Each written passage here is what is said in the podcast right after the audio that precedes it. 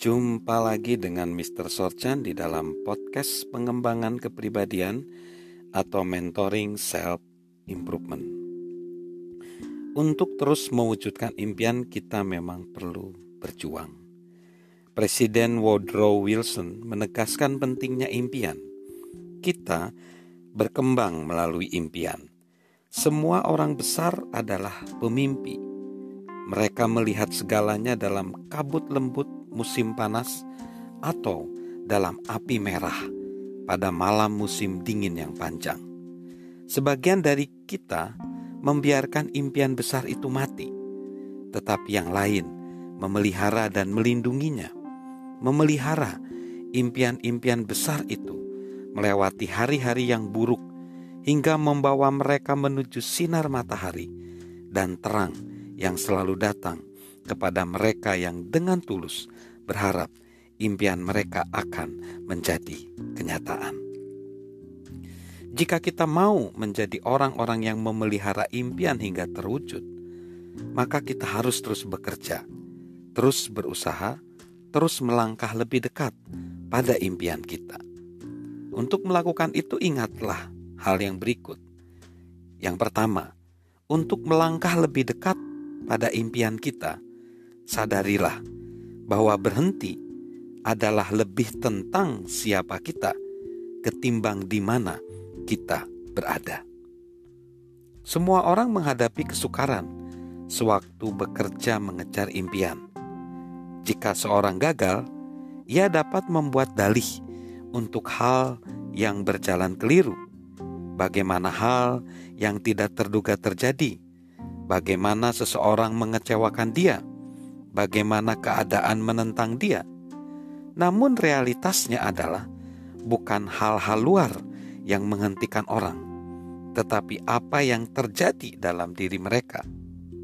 Kebanyakan orang berhenti berusaha mencapai potensi mereka. Mereka dapat berpura-pura bahwa orang, benda, dan situasi di luar diri mereka harus disalahkan atas kegagalan mereka tetapi dalam kenyataannya, merekalah yang harus disalahkan. Ada sebuah legenda tentang seorang prajurit yang disidang secara militer di hadapan Alexander Agung. Merasa hukumannya tidak adil, prajurit tersebut memohon banding. Sang penakluk memberitahu prajurit itu bahwa tidak ada orang yang lebih tinggi daripadanya yang dapat ia mohonkan untuk banding. Kalau begitu, prajurit tersebut menjawab, "Saya mau naik banding dari Alexander kecil kepada Alexander besar." Kisah ini mungkin dapat diragukan kebenarannya, tetapi menunjukkan kebenaran yang harus kita hadapi. Di dalam diri setiap kita ada diri yang lebih rendah, dan diri yang lebih besar yang saling berjuang untuk menang. Diri yang lebih rendah memimpin kita pada kekalahan, diri yang lebih besar mendorong kita pada kemenangan. Diri kita yang lebih rendah mengatakan begini: "Tidak cukup banyak orang yang yakin kepada Anda, Anda tidak akan pernah berhasil." Diri kita yang lebih besar mengatakan, keyakinan saya kepada diri saya sendiri cukup. Saya dapat berhasil. Ada juga yang berkata begini, diri kita yang lebih rendah berkata, terlalu lama untuk mewujudkan impian kita. Diri kita yang lebih besar berkata, impian terwujud suatu hari nanti buku harian Christopher Columbus memperlihatkan bahwa ia memberi makan diri yang lebih besar dan membuat lapar diri yang lebih rendah. Ketika ia melewati badai yang dahsyat, menangani kapal yang rusak, menghadapi pencabutan hak, dan takut akan pemberontakan. Hari demi hari, catatan di dalam buku hariannya adalah seperti ini. Hari ini, kami terus berlayar. Diri kita yang lebih rendah mengatakan cukup adalah cukup. Anda sudah mendapat cukup kesuksesan.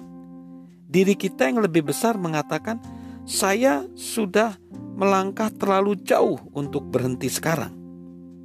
Jadi, saya terus melangkah. Penulis H.E. Jensen pasti telah mendengarkan dirinya yang lebih besar ketika ia mengatakan, "Orang yang menang mungkin telah dinyatakan kalah beberapa kali, tetapi ia tidak mendengar wasitnya." Diri kita yang lebih rendah mengatakan, "Anda tidak mempunyai kekuatan untuk berpegang pada impian Anda."